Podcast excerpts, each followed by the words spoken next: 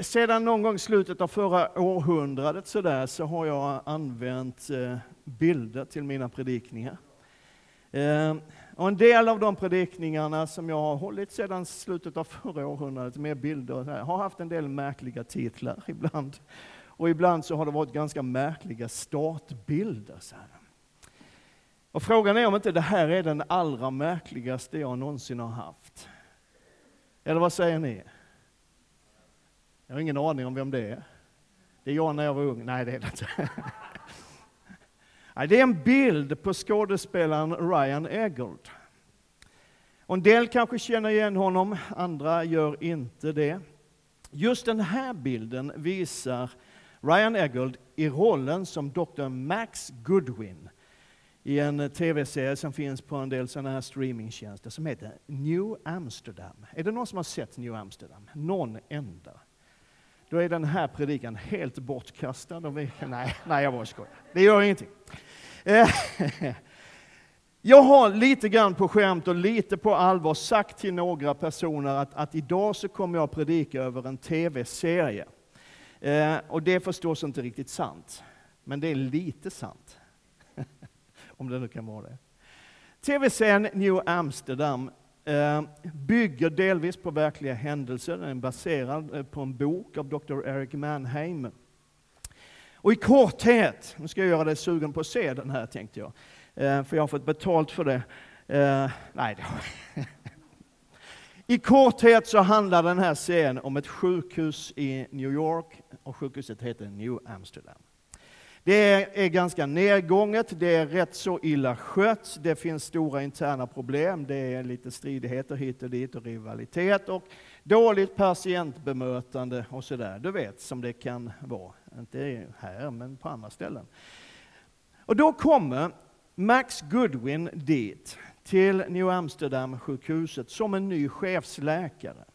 Och han är fast besluten om att göra New Amsterdam till ett av de allra bästa sjukhusen. Det är inget unikt i det här. Det liksom känns som att det är varje sån här sjukhusserie som finns på alla streamingtjänster. Men i sitt första möte med personalen så talar Max om en fråga som han menar är den viktigaste som man kan ställa till varandra i en organisation och i en arbetsgemenskap. Och sen så gör han det genom stora delar av den här serien, ställer den där frågan. Och den blir till seriens catchphrase, liksom och återkommer gång på gång i olika sammanhang. Och den börjar sprida sig mer och mer. Den blir till en attityd, till ett förhållningssätt.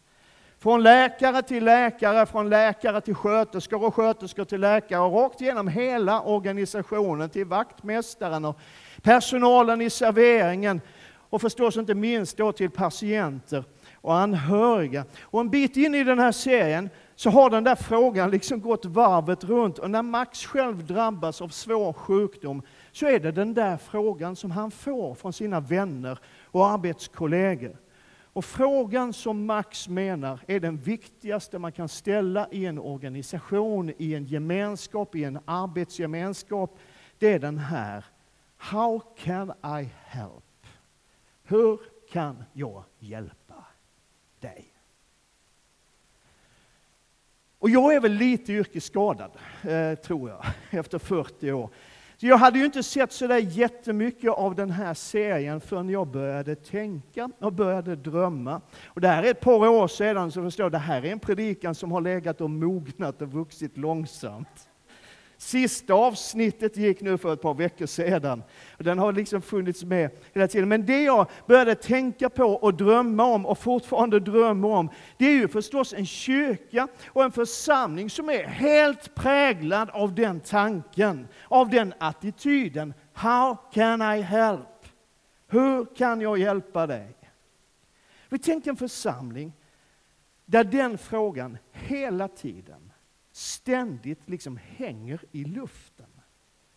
Där varje medlem drivs av den frågan och drivs av viljan att finnas där och att vara till hjälp. Från rådsledare till teammedlem, mellan de olika verksamhetsdelarna, från medlem till ledare, från ung till äldre och äldre till unga. Hela vägen den här frågan, bara intresset och närheten. Hur kan jag hjälpa dig? Låter det inte helt fantastiskt? Nu tänker jag förstås inte bygga en hel predikan på en tv-serie. Det vore väl lite illa, eller hur? I ena kyrkan predikar vi Guds ord. Men grejen är att den där tanken, den där attityden, how can I help, är djupt biblisk. Paulus skriver så här. Nu läser jag från Nu-bibeln, för den uttrycker just det här så väldigt bra. Eh, det står ungefär likadant i andra översättningar, men jag tar det här. Det finns många delar i den kropp vi har. Och varje del har sin speciella funktion. På samma sätt utgör vi Kristus, i Kristus en enda kropp, även om vi är många.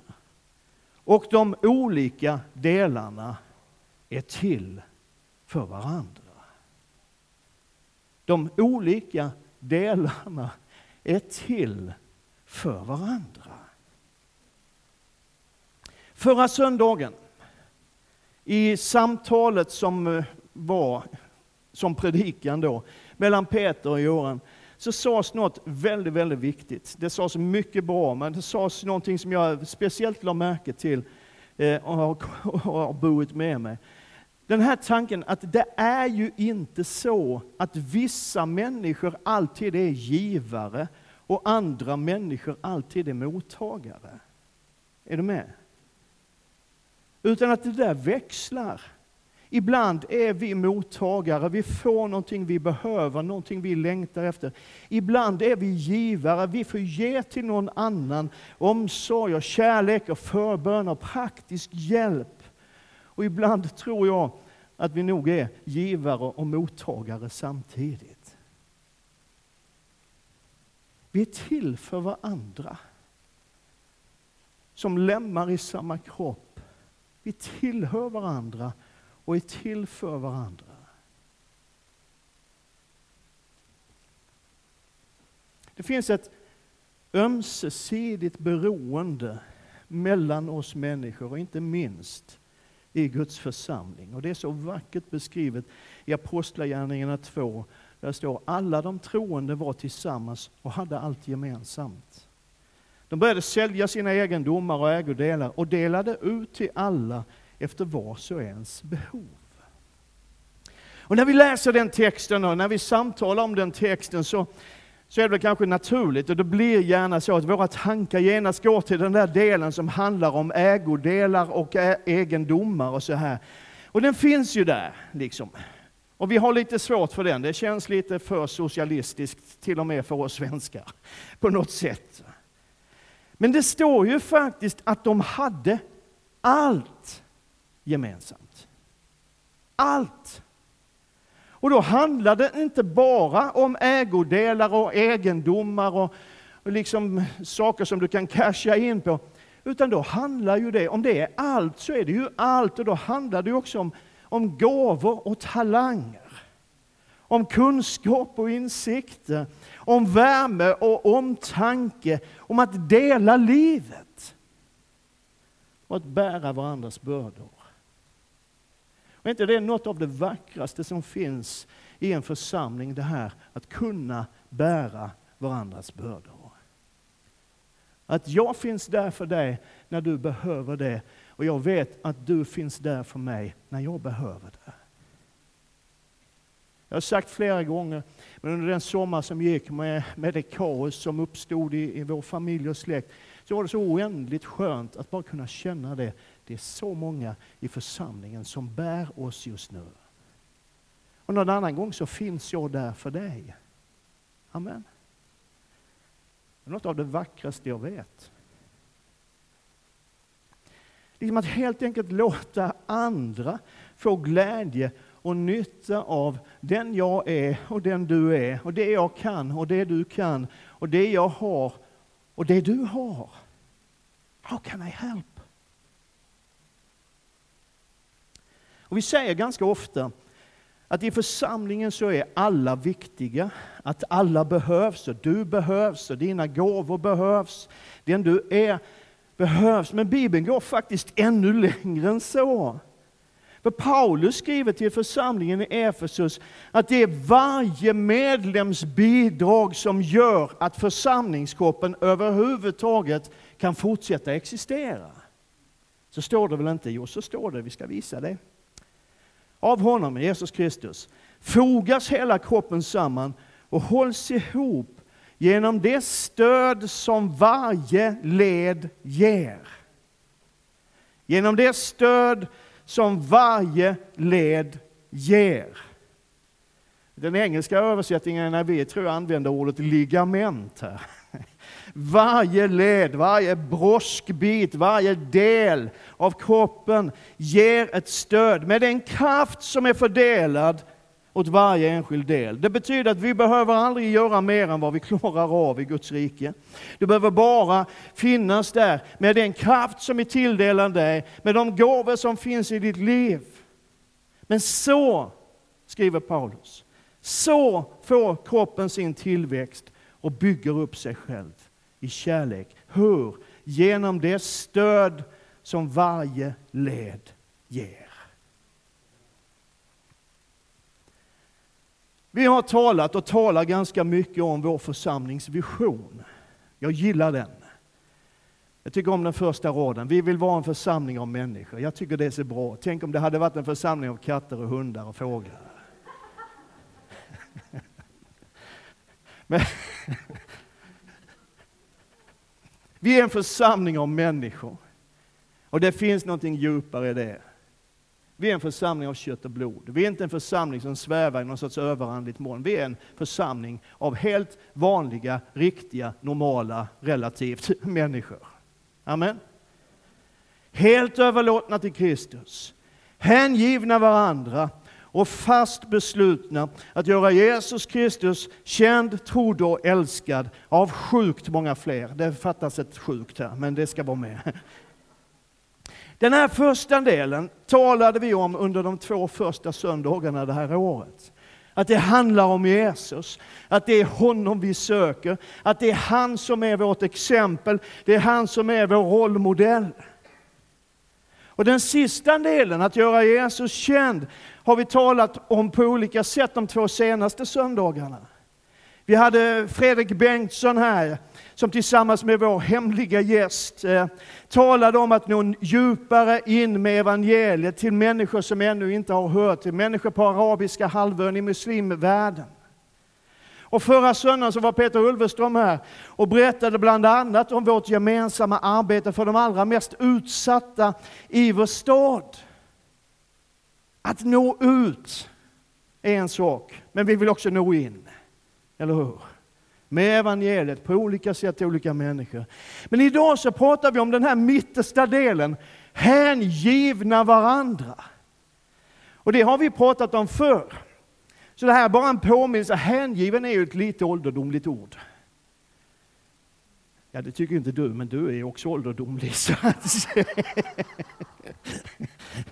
Lägg märke till att jag inte sa något namn här nu, eller så, utan den som känner att det här gällde mig, ta, ta till.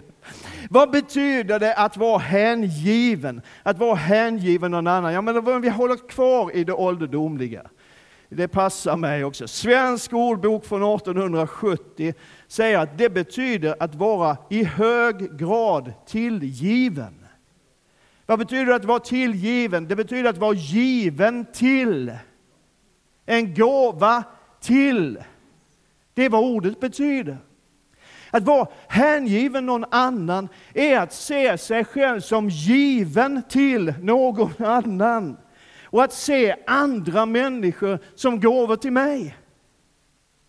Du är en gåva till mig och jag är en gåva till dig, antingen du vill eller inte. Det har Gud bestämt, så är det. Det är bara att ta emot och vara tacksam. Amen. Men det här säger mig någonting. Att vara församling och att vara kyrka är någonting mycket större än att mötas till gudstjänst på söndagarna. Alltså en del kyrkor använder sig av det här uttrycket som en sorts slogan, Sunday Church Day. Jag har nu själv använt det någon gång sådär och ändå så skulle jag vilja ifrågasätta det lite grann. För det är ju inte bara söndag som är Church Day. Vi är inte Kristi kropp bara på söndagar mellan 11.00 och 12.30. Eller 12.45 om du ska hinna med kaffet också.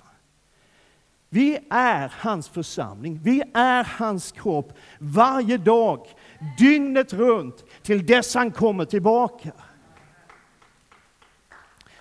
Och Det betyder ju inte då att söndagarna skulle vara oviktiga. Att fira gudstjänst tillsammans är viktigt. Hebreerbrevets författare skriver, låt oss inte överge våra sammankomster som vissa har som vana. Det är ju inte du, för du är ju här. Men att fira, att fira gudstjänst är ju ett av församlingens uppdrag. Det är ett av församlingens uttryckssätt. Men församlingen är Jesu kropp varje dag och den hålls ihop dag efter dag med det stöd som varje led ger. Det är därför vi möts i hemgrupper. Det är därför vi ibland tar en promenad tillsammans. Det är därför vi ibland ringer det där samtalet. Det är därför vi ibland bjuder in till en spontan eller planerad lunch. Det är därför som vi inte bara ses i kyrkan utan vi försöker dela livet med varandra. Vi hör samman och vi är här för varandra. Och det som är så skönt, det är ju att vi har ju mognat så mycket, du och jag. Så att vi inte i första hand funderar så mycket på vad vi kan få ut av församlingen, utan mer på hur kan jag hjälpa någon annan? Visst är det skönt att det är så? Och vi är så pass mogna kristna, du och jag, så att vi inte ser församlingen som en plats där vi sätter oss ner och väntar på att bli serverade och där vi alltid kan välja vår favoriträtt varje gång. Utan vi är präglade av en Guds rikes attityd. Vi har Kristi sinnelag och vi drivs av vår längtan att få vara någon till hjälp. How can I help?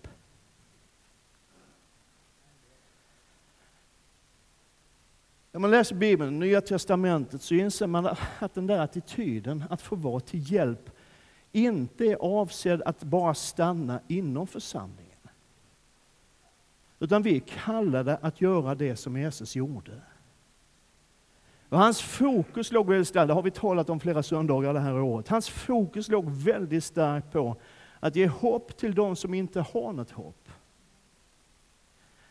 Att ge ljus till dem som inte ser någon utväg.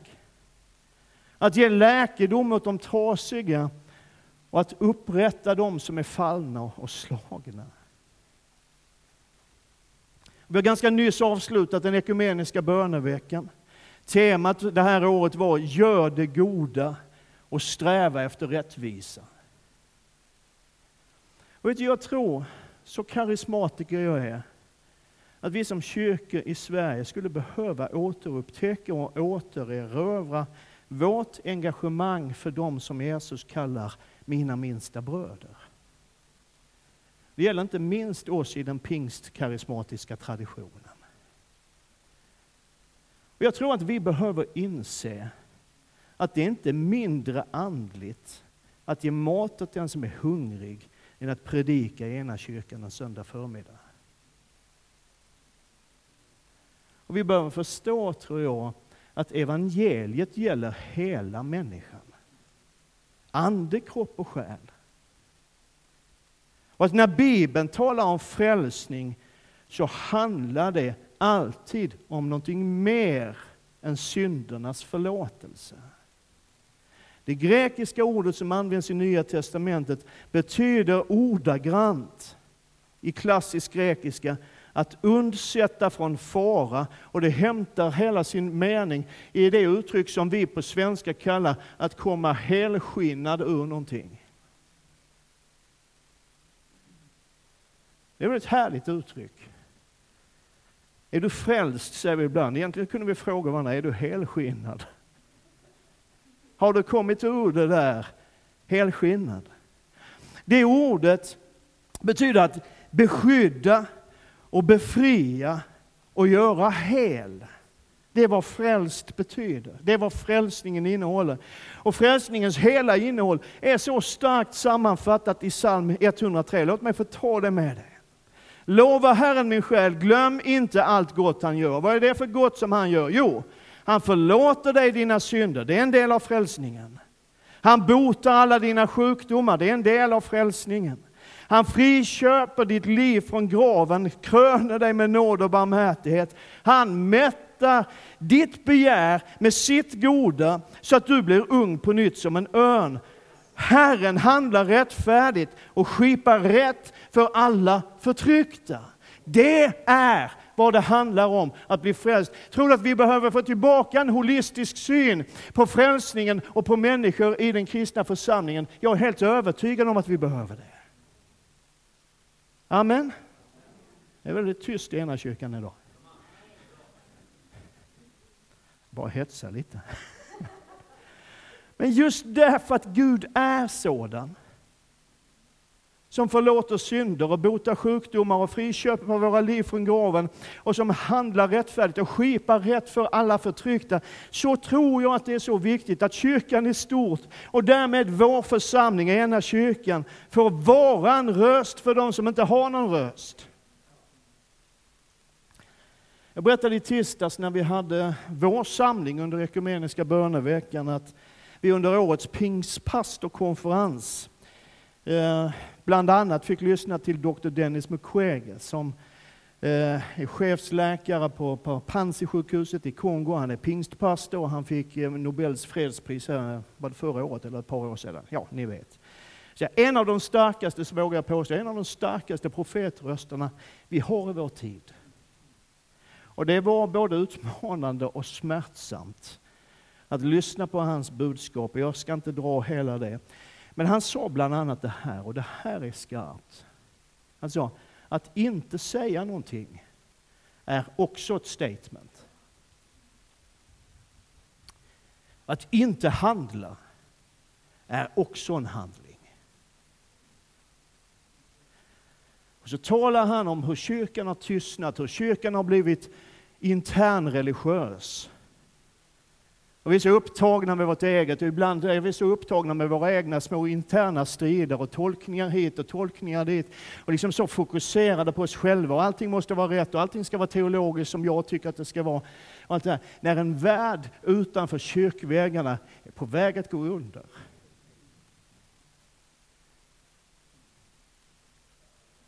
Och när människor trasar sönder i vårt land, när tonåringar skjuter varandra, när människor sitter ensamma. Sverige är världens mest ensamma folk. När det finns människor i vår stad som kämpar med och inte vet hur ska jag få mat imorgon.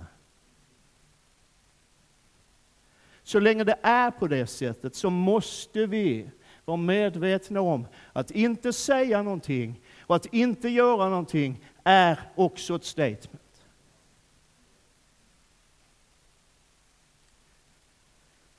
Och Gud give att vi aldrig blir så andliga så att vi inte kan sträcka ut en hand till en människa i behov och nöd. Att vi aldrig någonsin blir så flumkarismatiska så att vi hellre sysslar med oss själva och vår inre lilla värld än att ge oss ut och möta den värld som Jesus dog för att rädda. Vi är här för att möta människors behov till ande, kropp och själ. Men för att det verkligen ska fungera så tror jag vi behöver lära oss att lyssna. Lyssna in vad som är de verkliga behoven.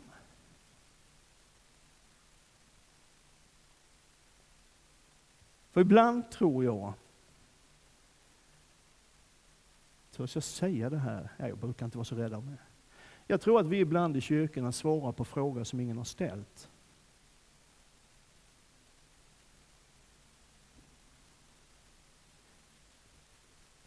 Det finns en fantastisk och märklig berättelse i Lukas 18. Jag tror många känner igen den. Jesus är på väg till Jeriko. Och så när han närmar sig den stan så sitter där en blind man och ropar till honom Jesus, Davids son, förbarma dig över mig. Ni känner igen den, många känner igen den berättelsen. Och folk tycker att han stör. Nu får du vara tyst, för nu kommer självaste Jesus här. Ja, det är en, en förnämlig banner, liksom sluta upp med de här ropen nu. Men Jesus verkar ha uppfattat hans ropande. Då står det så här. Jesus stannade och befallde att mannen skulle ledas fram till honom. När han kom närmare så frågade Jesus, vad vill du att jag ska göra för dig? Man kan ju tycka att det är lite märkligt att Jesus ens frågar, eller hur? För det är ju så uppenbart vad den här mannen behöver och längtar efter. Men Jesus låter honom ändå uttrycka sitt behov själv. Och möter honom där han är. Det är klart att Jesus fattade att det var ett problem för den här mannen som satt där och tyckte att han var blind. Det fattar vi Jesus. Men ändå låter han den här mannen säga vad han längtar efter. Det finns andra exempel också. Det finns ett exempel när Jesus ger någonting helt annat än vad folk förväntade sig. Du vet det här tillfället när, när några kompisar tar med sig en lam man eh, och de kommer inte in i huset, så de kliver upp på taket och så bryter de upp hela taket och skickar ner den här mannen. Och det är klart att hade Jesus frågat honom och hans vänner runt omkring, vad, vad, vad, vad vill ni? Så det är klart, de hade nog sagt att han behöver ju kunna gå. Men där ser Jesus någonting annat. Och möter ett annat behov först. För det första Jesus säger till honom vid det tillfället, det är dina synder är förlåtna. Och vi kan inte alltid utgå ifrån att du och jag vet exakt vad människor behöver. Jesus visste det. Och det finns något, tycker jag, i den här berättelsen om mannen utanför Jeriko, något som är så vackert i att Jesus låter honom själv tala om att det här skulle jag behöva hjälp med. Jag tror som sagt att vi ibland svarar på frågor som ingen har ställt. Och ibland så försöker vi möta det som vi tror är behov. Och det är så viktigt att lyssna. Att möta våra medmänniskor där de befinner sig. Och att vi som kyrkan, som Kristi kropp, är en röst in i vår samtid med det menar inte jag att vi ska ändra på vårt budskap. För det ska vi inte. Vi predikar evangelium. Men vi kanske behöver ibland vrida till formen för hur vi predikar evangelium. Så att det möter en fråga som faktiskt är ställd, att det möter ett behov, att det möter en oro, att det stillar en oro som faktiskt finns där. Är du med mig nu?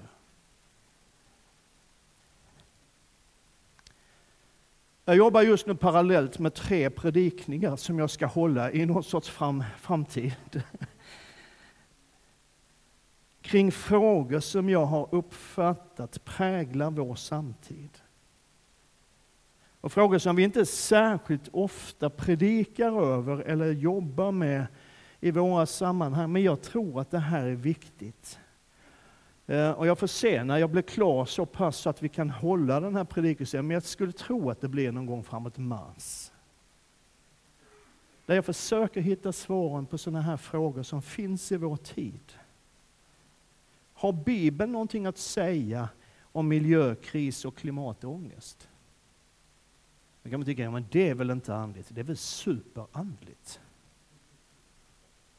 Paulus skriver i Romarbrevet att hela skapelsen suckar och våndar och längtar efter sin befrielse. Precis som vi längtar efter vår själs befrielse och frälsning. Har Bibeln någonting att säga om psykisk ohälsa? Har Bibeln någonting att säga om utanförskap och ensamhet? Jag tror det. Och jag tror också att det är frågor som lever i vår samtid i allra högsta grad.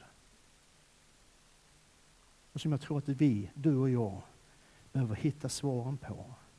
För att möta människor där de är. Vi har märkt en sak, att det inte är jättemånga svenskar idag som är djupt bekymrade över sin synd. För man vet inte vad synd är längre.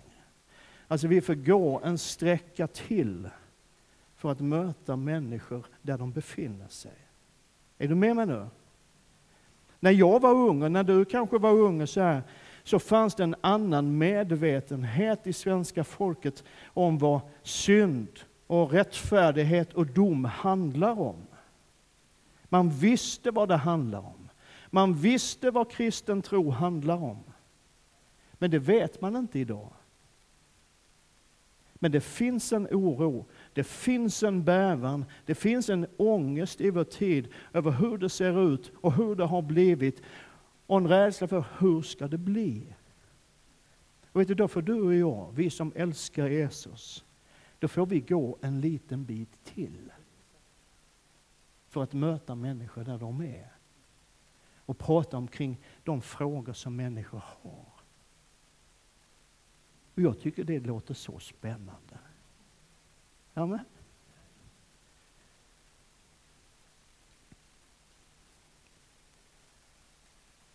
Vad vill du jag ska göra för dig?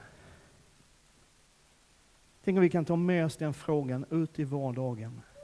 Ut till människor som vi möter, mitt ut i det som är vårt vardagsliv.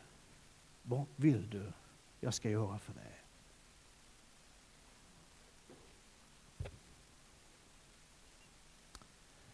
Nu har jag delat lite tankar idag. Någon tycker att det var väldigt spridda tankar. Du får tycka det, det tycker jag med. Men egentligen så är det ju den här frågan. Om vi inte tar med oss någonting annat, så är det ju den här frågan som du och jag behöver ta med oss härifrån idag. När det gäller vårt liv i församlingen, vår gemenskap i församlingen och när det gäller vårt liv ute i det samhälle där Gud har ställt oss. How can I help? Hur kan jag hjälpa dig? Och allt folket sa? Amen.